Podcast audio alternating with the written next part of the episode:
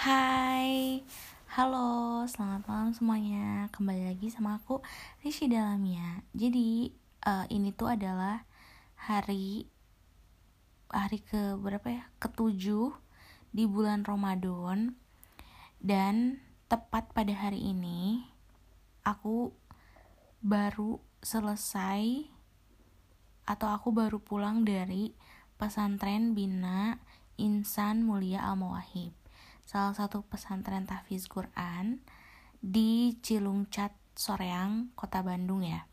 Di Kota Soreang, sorry, Kabupaten Bandung. Oke. Dan sekarang hari ini aku mau nyeritain mungkin sebagai salah satu pengalaman religi aku ya di proses kehidupan ini gitu ya. Nah, jadi uh, aku mau cerita. Awal mulanya ada niatan untuk pergi ke pesantren ini tuh untuk beberapa hari itu karena emang uh, aku itu base-nya itu uh, apa sih? Work from home kayak gitu kan. WFH ya. Eh iya kan WFH jadi akhirnya aku tuh kayak mikir kenapa enggak aku membawa semua kerjaan aku ke suatu tempat di mana tempat itu tuh pasti lebih mendekatkan diri kita tuh kepada uh, Tuhan ya. Di sini konteks Tuhan itu adalah Allah Subhanahu wa taala karena agama aku itu adalah Islam. Insya Allah kayak gitu ya. Jadi muslim kayak gitu. Nah, tepat pada bulan Ramadan kan, untuk bulan Ramadan itu bulan yang sangat spesial, bulan yang ditunggu-tunggu oleh kaum muslimin dan muslimat di mana-mana gitu ya. Kenapa enggak ya kita bawa kerjaannya ke pesantren? Aku mikirnya kayak gitu.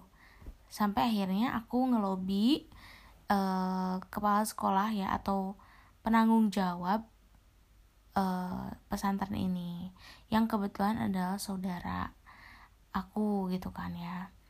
Aku bilang niat aku untuk pergi ke sana dan ternyata total santri dan santriwati di sana itu tuh untuk stay selama bulan Ramadan itu hanya 13 hari awalnya. Tapi ternyata jadi 10 hari.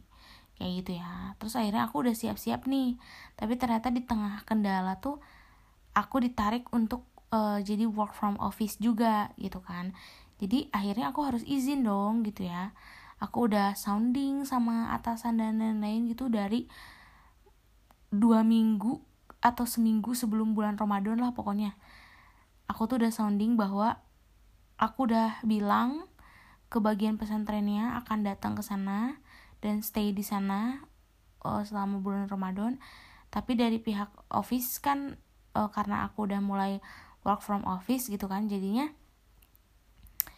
harus izin gitu. Akhirnya diizinin itu ya sekitar setengahnya lima hari itu kan dari total 10 jadi aku lima hari stay di sana.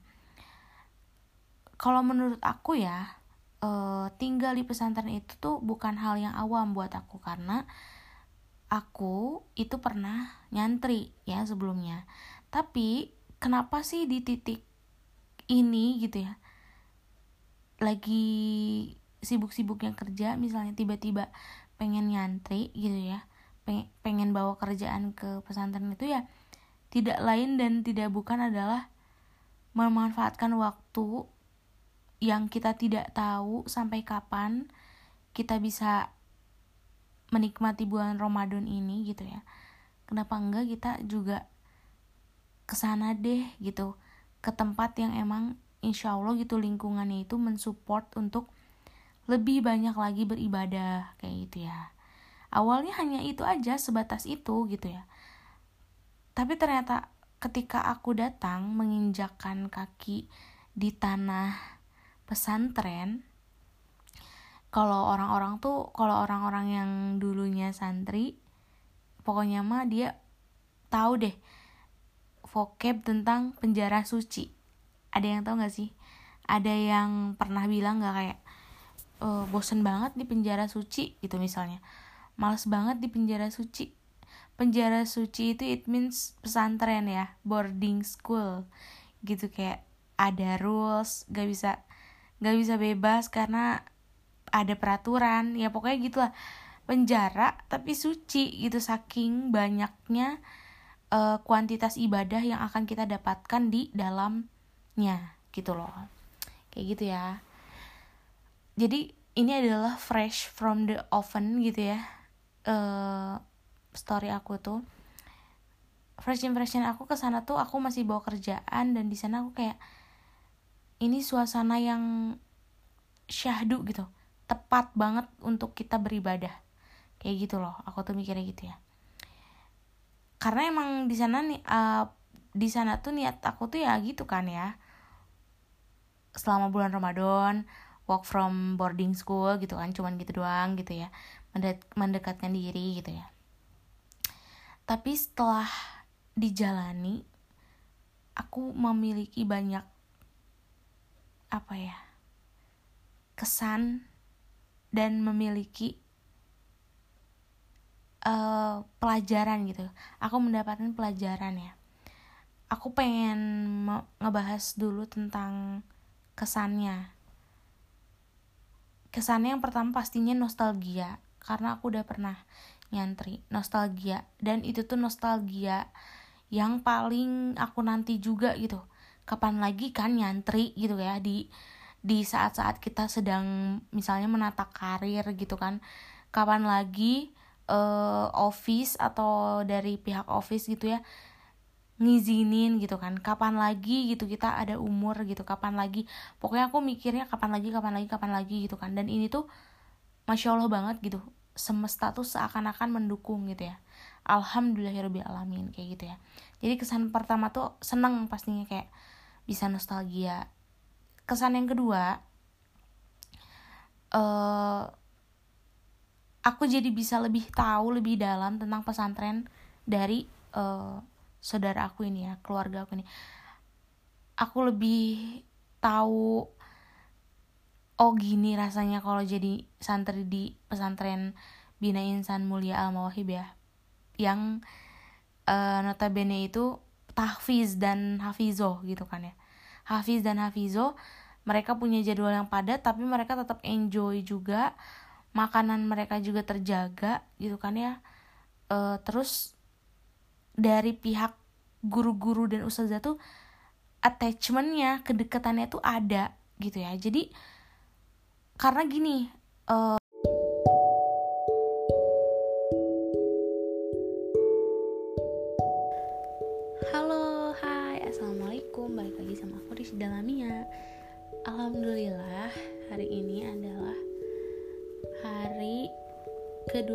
kita berpuasa ya untuk yang menjalankannya. Dan bertepatan pada hari ini juga adalah malam Lailatul Qadar.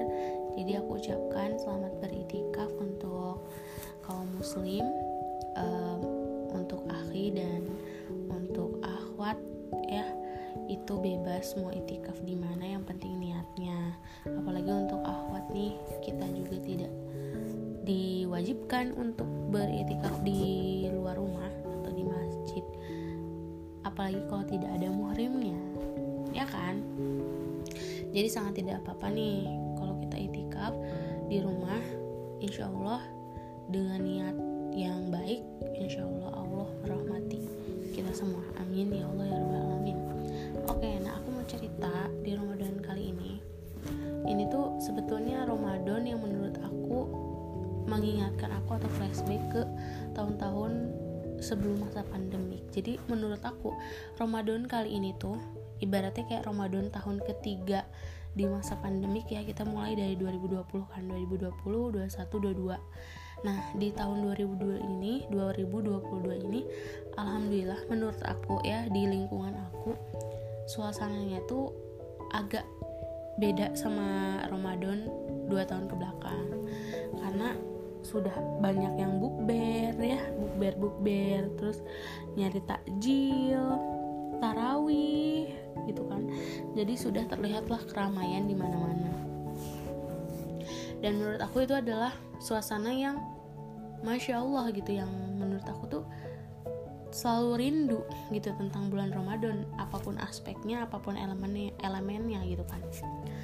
Dan alhamdulillah di Ramadan tahun ini uh, umur kita juga bertambah apalagi umur aku ya bertambah aku tuh pengen mencoba hal baru gitu kan.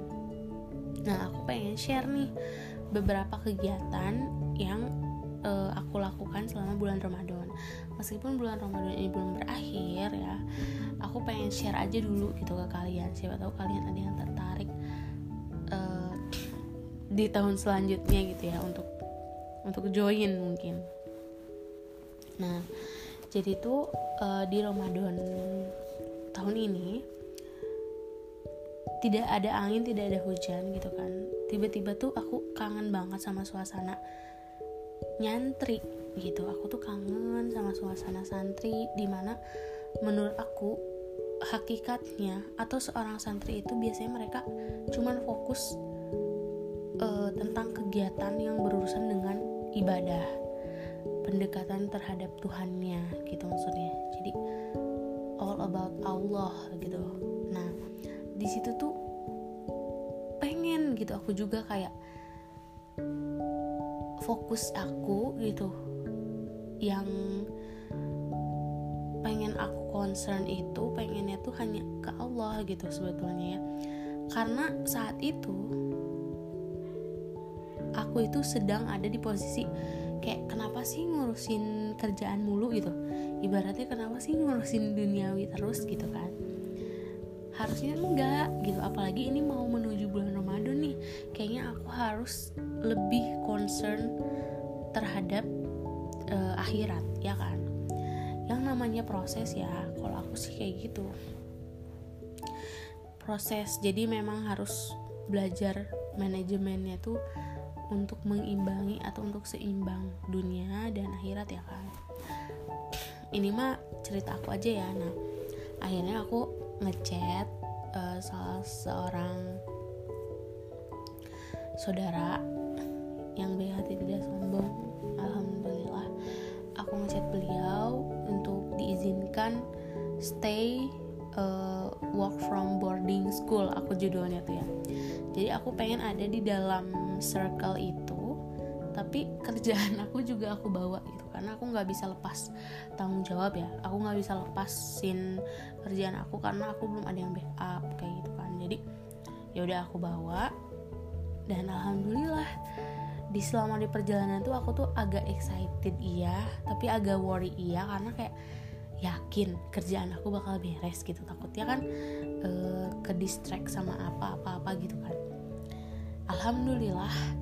Enggak malah alhamdulillah aku jadi tambah fokus sih sebenarnya gitu kan. Karena uh, aku ngerjain ngerjain ngerjain terus aku langsung bagi waktu untuk ngebantuin kegiatan santri dan santriwati kayak gitu. Tapi alhamdulillah kerjaan aku juga beres kayak gitu. Meskipun aku tetap dipantau ya dari kantor gitu kan kayak ini orang kerja nggak? Gitu. Saya kerja pak. Saya kerja bu. Gitu. Karena karena emang saya juga nggak mau lepas dari tanggung jawab kayak gitu ya. Oke okay, ya. Nah selama aku uh, stay seminggu ya kurang lebih aku tuh pergi hari kedua. Hari kedua ya? Hari ketiga bulan Ramadan ya. Sekitar lima hari lah ya dari Selasa, Rabu, Kamis, Jumat, Sabtu ya lima hari ya. Aku lima hari stay di pesantren. Masya Allah banget alhamdulillah banget. Itu tuh banyak banget hal baru gitu ya. Menurut aku sih ketika kita pergi ke suatu tempat entah itu tempat yang pernah kita tempati atau pernah kita lewati atau tempat yang memang baru buat kita gitu ya pasti aja ada nilai atau esensi yang bisa kita ambil. Apalagi nih uh, kita tuh belum tahu sama sekali gitu kan. Apalagi itu benar-benar new gitu kan. Tapi kalau misalnya kita memang sudah pernah ke situ tapi pasti ada aja hal baru yang belum pernah kita tahu itu sebelumnya pada saat pertama kali kita datang kayak gitu loh. Jadi pasti ada hal-hal uh, yang positif yang bisa kita ambil gitu. Dan emang tidak jarang juga kita mendapatkan hal negatifnya. Tapi ya itu depend on yourself gitu. Kamu mau ngambil positifnya atau mau mengambil negatifnya juga. Kalau aku sih uh, boleh dilihat negatifnya boleh. Tapi aku akan mengambilnya insya Allah yang positifnya kayak gitu.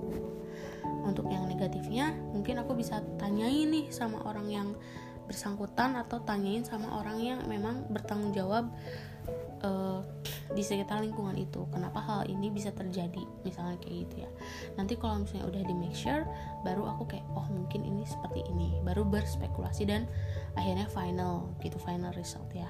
Nah selama di pesantren itu memang ada positifnya dan ada negatifnya. Positifnya ya aku itu uh, emang jadi lebih paham sama diri sendiri gitu ya. Meskipun aku tuh umurnya jauh sama mereka dan kebetulan santri ini tuh umur umur SMA ya. Jadi uh, dia tuh umurnya berarti dari berapa ya SMA 15 ya. 16 15 16 17 ya kan? Eh 15 16 ya segituan lah ya pokoknya anak-anak SMA ya. Anak-anak SMA dan aku kuliah. Kuliah harusnya udah kuliah the next level gitu ya. Amin. Nah sebenarnya memang kita tuh beda umurnya. Tapi di sini posisi aku tuh justru kayak merot gitu. Gimana ya merot insecure. Karena ilmu agama mereka itu masya allah banget ya. Ya pastinya lebih lah. Karena mereka sedang dibekali sedang diberi pupuk gitu ya. Sedang digembleng maksudnya uh, ditambahin nih ilmu agamanya terus menerus dan mereka ulang-ulang itu selama mereka nyantri di situ kan. Dan mereka udah ber- mengulang itu tuh pasti lebih dari seribu kali ya. Karena mereka itu adalah uh, santri tahfiz ya. Jadi tempat yang aku uh, singgahi selama lima hari itu adalah pondok pesantren bina insan mulia al mawahib ya. Uh, tahfiz dan Hafizo di Gading Tutuka di Soreang Kota Bandung ya. Gitu. Jadi selama di situ tuh ya insecure-nya itu gitu. Mereka tuh masya allah banget ya akan menjadi uh, dai-dai yang baru generasi baru gitu. Generasi yang insya Allah berakhlakul karimah gitu maksudnya. Karena memang sudah dipupuknya menjadi tahfiz hafiz dan hafizo gitu kan ya. Terus dengan uh, apa namanya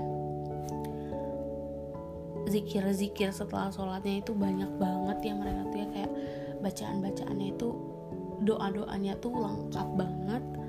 Karena sesuai dengan kiai uh, almarhum Abdul Wahab Mawahib gitu ya amalan-amalan setelah sholatnya itu dilanjutkan oleh santri dan santriwati gitu kan.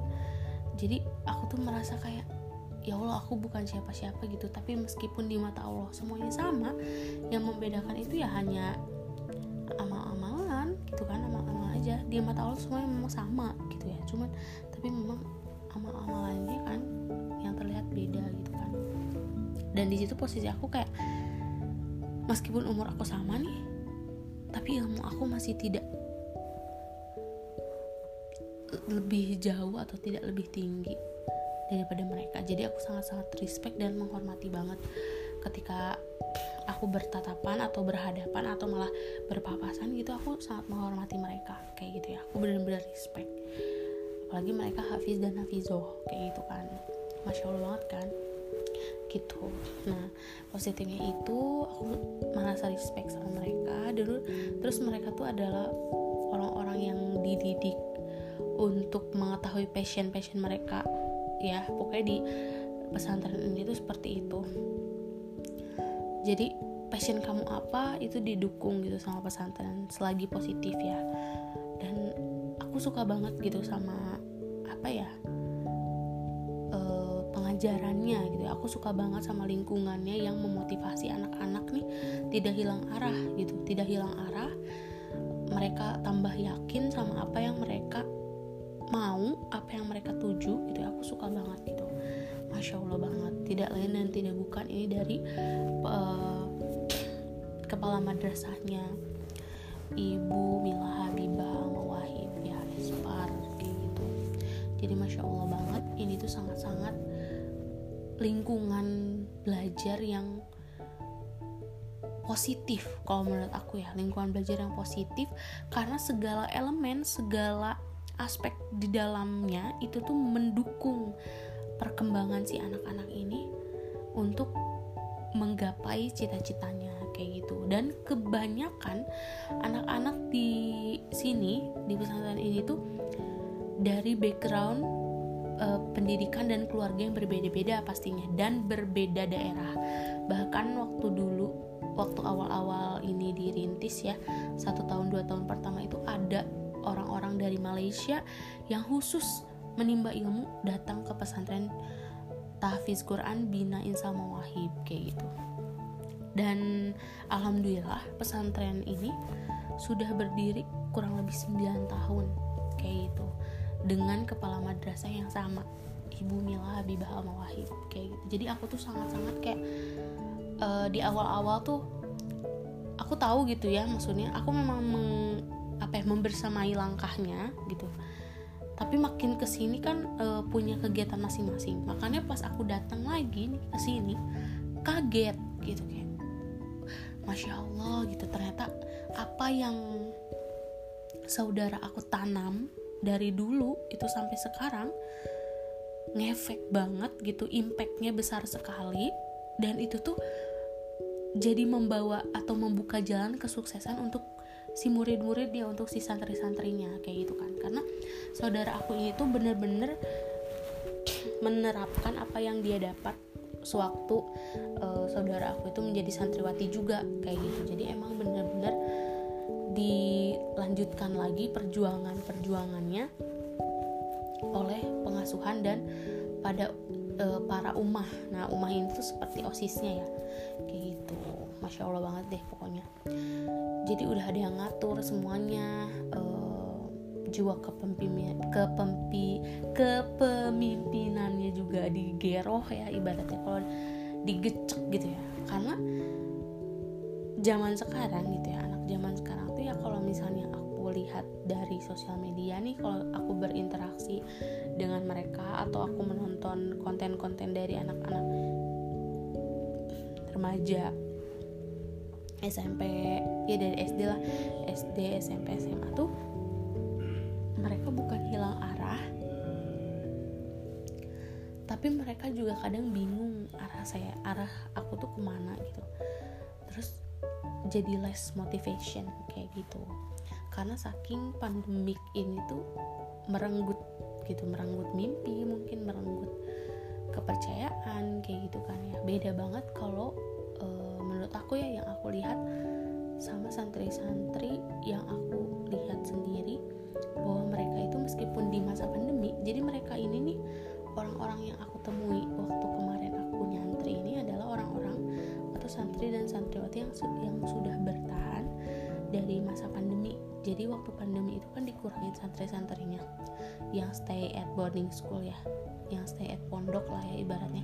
Nah si santri beberapa santri ini tuh sekitar ada 20 orang mereka itu bertahan gitu. Bertahan dari masa pandemi dari tahun 2021 sampai tahun 2022 kayak gitu loh bertahan di masa pandemi mereka bareng-bareng di dalam suatu lingkungan gak boleh keluar gak boleh ke mana-mana berkegiatan yang berkegiatan itu insya Allah barokah kayak gitu.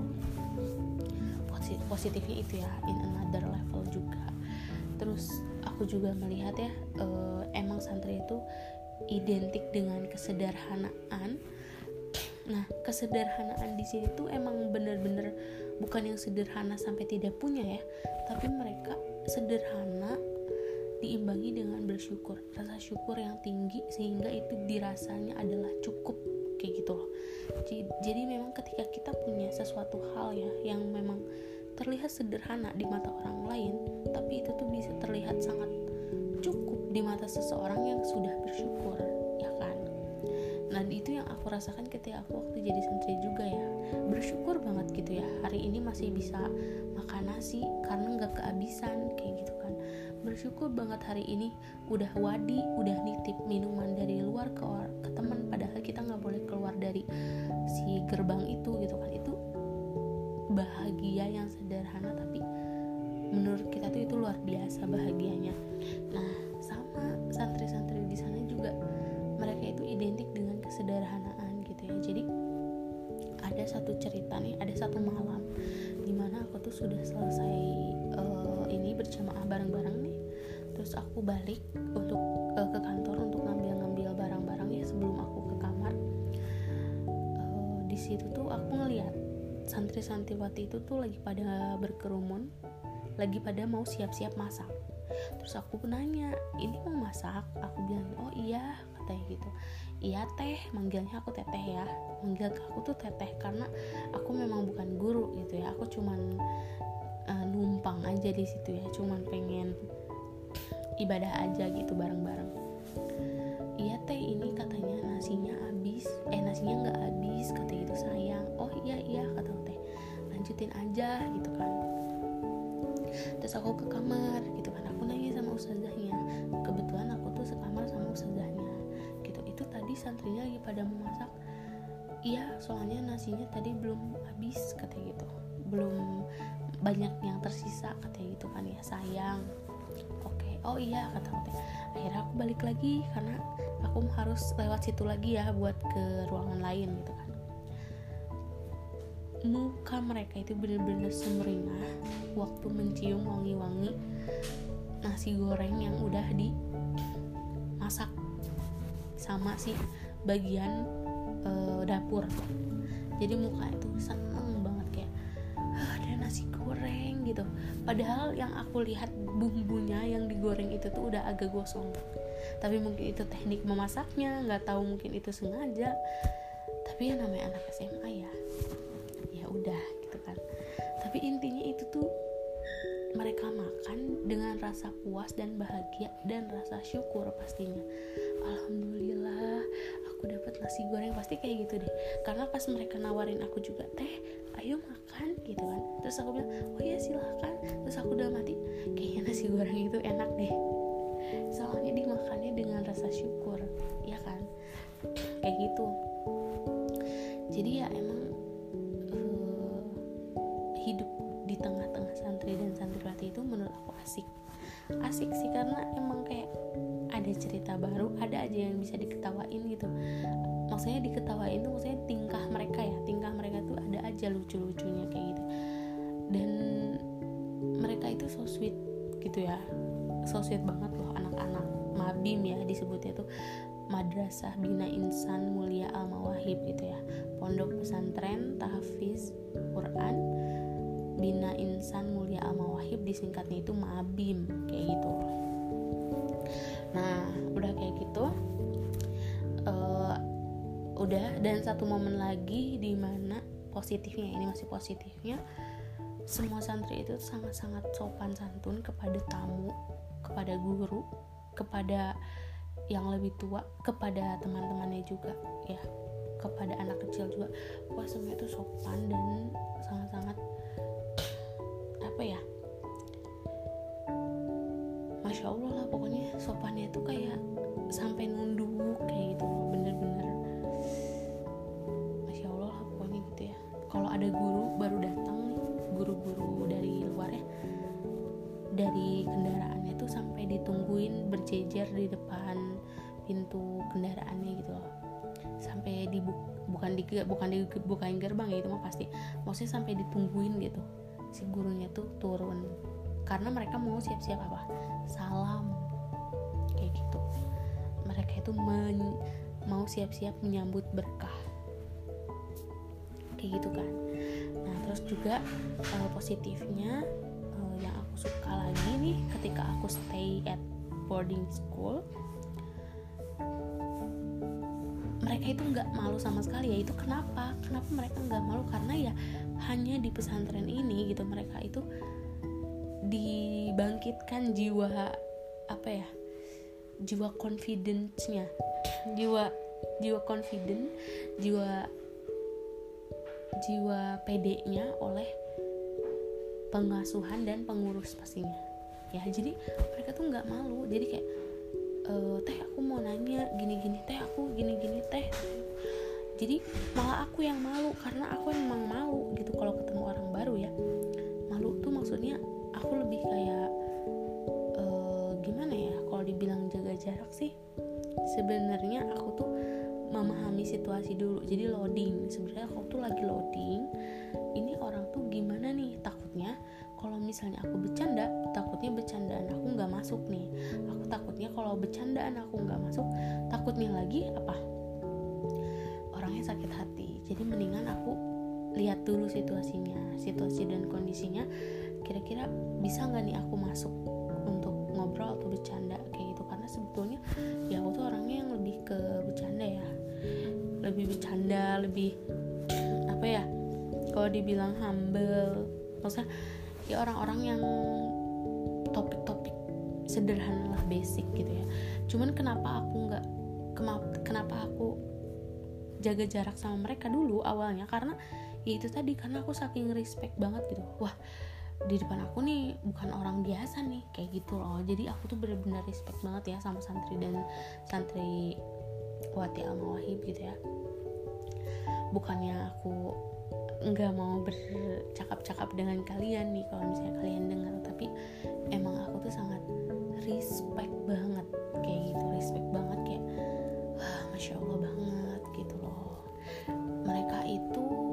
24 jam itu nonstop mereka belajar dan hafalan pastinya ya.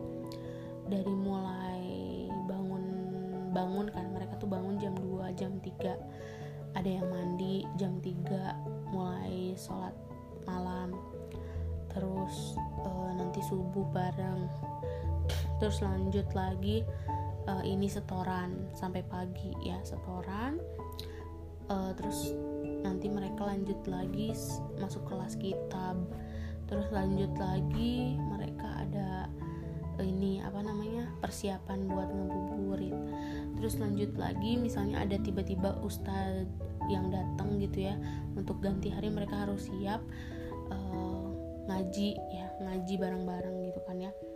Hatam Quran. Terus mereka lanjut lagi malamnya hafalan lagi setoran sebelum mereka tidur. Nah setelah setoran itu mereka nggak tidur tapi mereka ngapalin lagi karena besok harus setoran lagi. Ya itu masya allah banget ya. Kayak gitu se sepadat itu tapi mereka menjalaninya tuh langkahnya itu ringan karena memang semuanya itu melibatkan Allah ya kan? Nah kalau misalnya kita ambil intisarinya ya yang aku lihat seperti itu ya yang aku lihat seperti itu dan kenapa makanya aku mau melangkahkan kaki ke situ? Karena ya supaya aku tuh lebih bersyukur gitu. Supaya aku tuh lebih lebih apa ya? Ya udah bersyukur. Kayak gitu aja lah pokoknya lebih mengetahui nih bahwa di atas langit ada langit. Ya kan? Kamu itu bukan apa-apanya gitu loh harus terus berproses terus memperbaiki diri itu sih. Jadi Ramadan tahun ini tuh emang uh, apa ya yang namanya iman ya kalau orang-orang bilang kan naik turun dan pastinya itu ketika kita bersikap tuh kita juga kadang hilaf ya namanya juga manusia.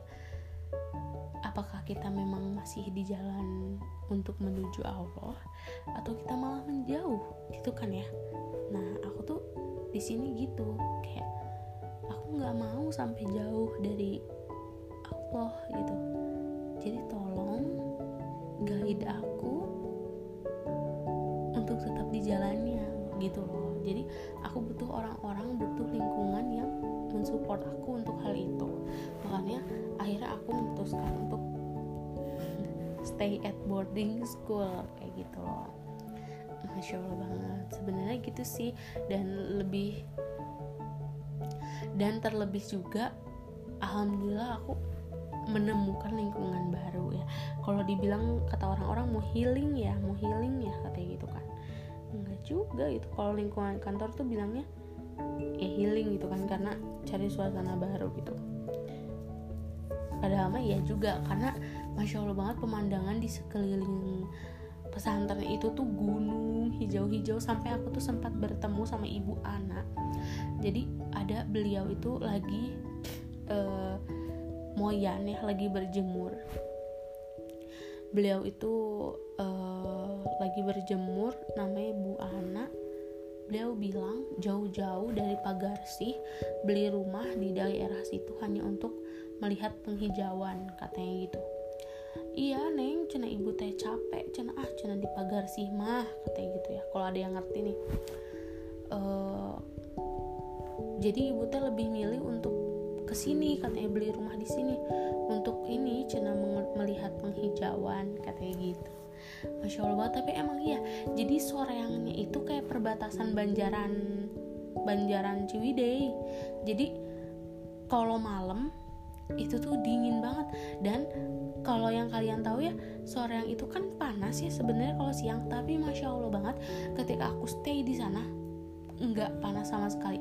Maksudnya nggak panas mentrang aku tuh mikirnya bakal panas bentrang kayak yang panas banget tapi ternyata enggak sama sekali enggak malah teduh mendung dan hujan. Dan pas malam tuh dingin banget dan aku tuh kayak bersyukur banget alhamdulillah. Ini tuh bener-bener kayak masya allah suasana itu kayak asri banget gitu. Kayak gitu nggak kerasa udah mau 30 menit. Nah kayak gitu jadi uh, sisi positifnya yang aku dapat selama aku stay at boarding school kayak gitu. Dan aku sangat berterima kasih kepada semua pihak. Dan pastinya ketika aku pulang tuh aku nggak bisa menahan haru ya. Sebenarnya aku tuh pas pulang kayak oke okay, aku akan pulang uh, ini memang hal yang sedih momen yang sedih. Tapi ya tetap aja harus dijalanin kayak gitu kan. Aku harus balik ke realita balik ke kerjaan gitu. Mereka juga bakal pulang kampung gitu ya. Tapi ternyata ketika aku pulang tuh mereka malah berkumpul malah malah memberikan makanan yang ada secari kertas berisi surat atau kata-kata untuk aku gitu ditulis langsung pakai tangan mereka masing-masing gitu ya. Ya isinya tuh masya allah banget lagi. Nggak bisa deh aku tuh nggak bisa nggak nangis ya karena hal kecil aja tuh kadang suka bikin aku terharu apalagi ini gitu kan. Jadi pas ada momen kayak gitu aku nggak bisa nggak bisa ngelihat muka-muka mereka tuh kayak aku cuma bilang ya alhamdulillah ya Allah tolong Allah balas aja ini segera. Kayak gitu loh pokoknya. Uh, terima kasih. Nanti mungkin aku share-share lagi uh, ceritanya karena masih banyak. Kayak gitu ya. Oke aku cukupkan dulu sampai di sini. Assalamualaikum warahmatullahi wabarakatuh. Semangat terus puasanya. Dadah